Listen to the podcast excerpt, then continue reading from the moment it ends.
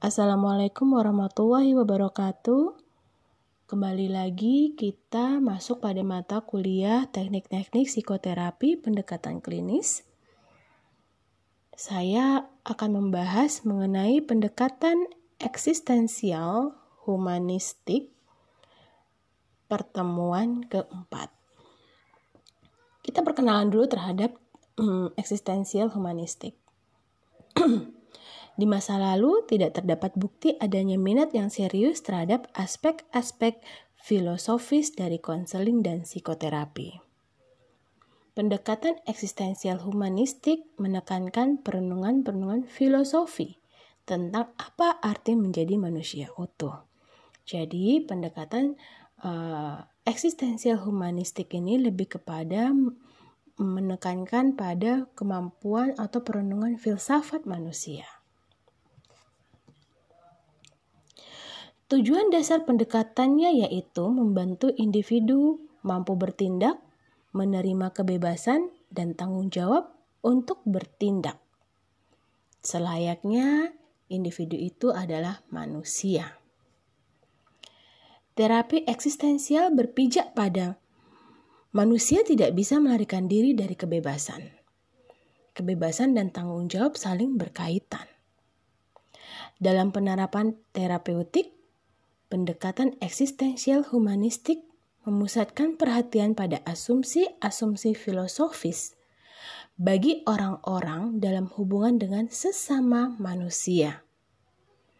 Kebutuhan menjadi tujuan konseling melalui implikasi-implikasi usaha membantu individu menghadapi pertanyaan-pertanyaan dasar yang menyangkut keberadaan manusia.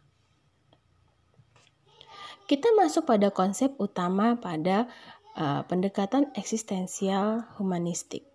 Yang pertama yaitu kesadaran diri.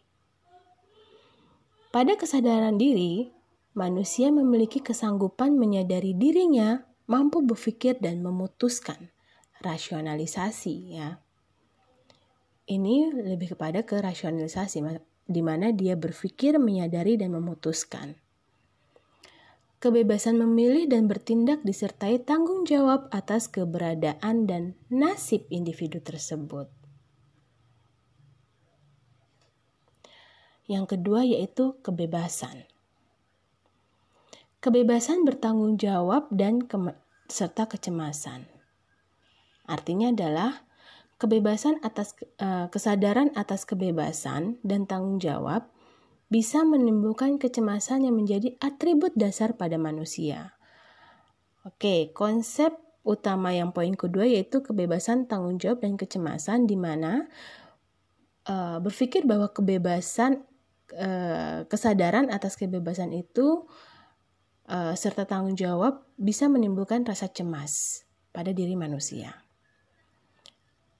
Kecemasan ini diakibatkan oleh kesadaran atas keterbatasan kemungkinan yang tak terhindar untuk mati.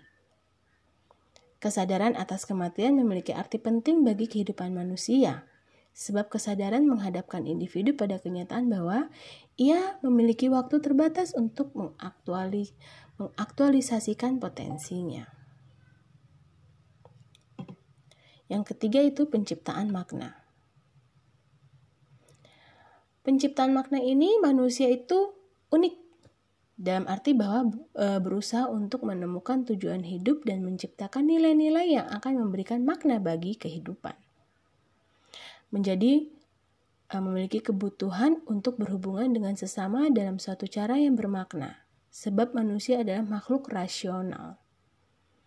Kegagalan dalam menciptakan hubungan yang bermakna bisa menimbulkan kondisi isolasi, depersonalisasi, alienasi, keterasingan, dan kesepian.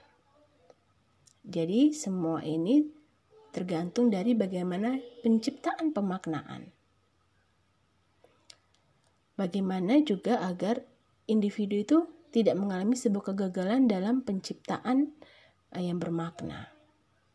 Jika mengalami kegagalan, maka bisa jadi individu itu mengalami hal-hal yang menimbulkan kondisi-kondisi yang tadi sudah disebutkan. Manusia juga berusaha untuk mengaktual, uh, mengaktualkan diri, yaitu mengungkapkan potensi manusiawi. Sampai taraf tertentu, jika tidak mampu mengaktualkan diri, ia bisa menjadi sakit. Penciptaan makna ini uh, melihat bahwa patologi dipandang sebagai kegagalan menggunakan kebebasan untuk mewujudkan potensi-potensi seseorang. Kita masuk pada proses terapeutik. Yang pertama tujuan terapeutik eh, eksistensi dan juga humanis. Tujuannya adalah klien mengalami keber mengalami keberadaan secara otentik dengan menjadi sadar atas keberadaan atas potensi-potensi potensi-potensi serta sadar bahwa ia dapat membuka diri dan bertindak berdasarkan kemampuannya. Ada tiga karakteristik dari keberadaan otentik, yaitu menyadari sepenuhnya keadaan sekarang, memilih bagaimana hidup pada saat sekarang, memikul tanggung jawab untuk memilih. Nah, ini tujuan dari terapeutik ya. Kita melihat tiga karakteristik tersebut. Pada dasarnya, tujuan terapi eksistensial adalah meluaskan kesadaran diri klien meningkatkan kesanggupan pilihannya, yakni yakni menjadi bebas dan bertanggung jawab atas arahan hidupnya. Kembali lagi lebih kepada pilihan hidup saat ini dan tanggung jawab hidup dia saat ini. Dan bagaimana dia memilih kehidupannya. Terapi eksistensial juga bertujuan membantu klien mampu menghadapi kecemasan sehubungan dengan tindakan memilih diri dan menerima kenyataan bahwa dirinya lebih dari sekedar korban kekuatan deterministik di luar dirinya. Oke, masuk pada fungsi dan peran terapis.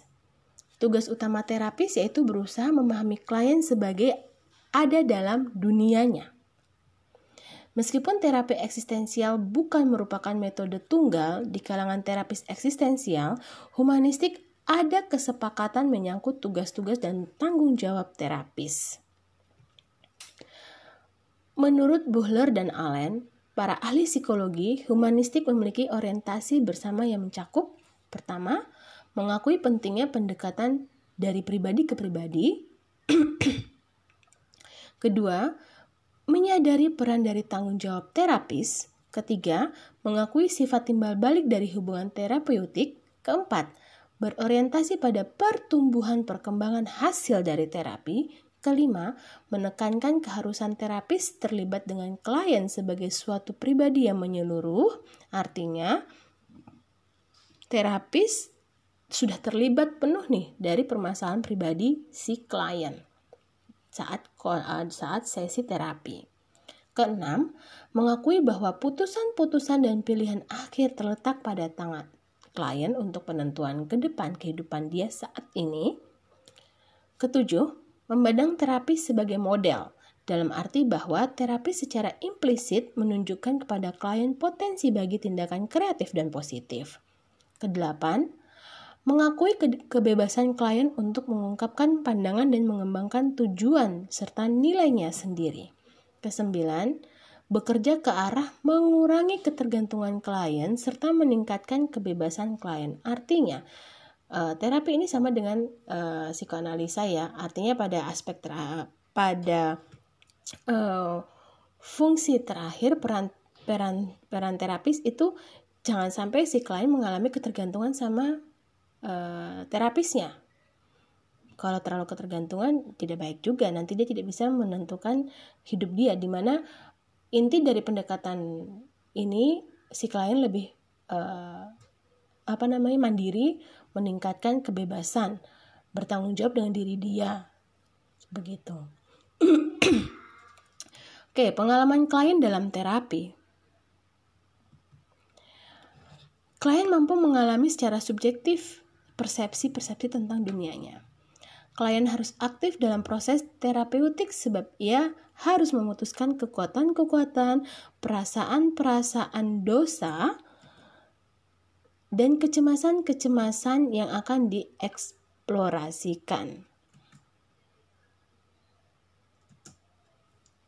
Klien uh, dalam terapi eksistensial terlihat eh, terlibat dalam pembukaan pintu menuju diri sendiri. Dia membuka pintu diri dia menuju diri dia sendiri. Ke depannya bagaimana? Pengalaman sering menakutkan, uh, pengalaman sering menakutkan dan menyenangkan, mendepresikan atau hubungan dari semua perasaan tersebut. Artinya pengalaman-pengalamannya dia itu sering kali menakutkan ataupun menyenangkan atau bisa mengakibatkan dia mengalami sebuah penekanan atau depresi uh, atau gabungan dari perasaan-perasaan itu kita bantu dia untuk membuka pintu menuju diri dia sendiri bagaimana dia mengambil sebuah keputusan. Dengan membuka pintu yang tertutup, klien mulai melonggarkan belenggu deterministik yang telah menyebabkannya terpenjara secara psikologis di mana lambat laun klien menjadi sadar apa dia tadinya dan siapa dia sekarang. Serta klien lebih mampu menetapkan masa depan yang diinginkan. Dan melalui proses terapi, klien bisa mengeksplorasikan pandangan-pandangannya menjadi real. Hubungan antara terapis dan klien. Hubungan terapeutik sangat penting bagi terapis eksistensial. Isi pertemuan terapi adalah pengalaman klien sekarang, bukan masalah klien. Artinya, pertemuan terapi itu bagaimana pengalamannya yang tidak yang menyakitkan, apa yang dia rasakan, bukan masalahnya dia yang memang harus kita uh, apa ya bangkitkan. Hubungan dengan orang lain dalam kehadiran yang otentik difokuskan kepada di sini dan sekarang. Penerapan teknik dan prosedur terapeutik. Pendekatan eksistensial humanistik tidak memiliki teknik-teknik yang ditentukan secara ketat.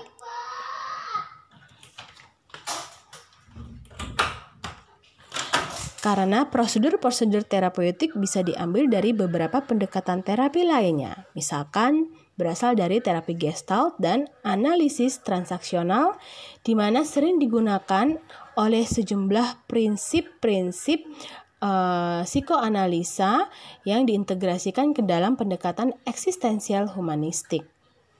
Menurut Bugen, uh, menurut Bugental, bahwa konsep inti psikoanalisis tentang resistensi dan transferensi bisa diterapkan pada filsafat dan praktek terapi eksistensial. Ia menggunakan kerangka psikoanalisis untuk menerangkan fase kerja terapi yang berlandaskan konsep eksistensial seperti kesadaran, emansipasi dan kebebasan, kecemasan eksistensial, dan neurosis eksistensial.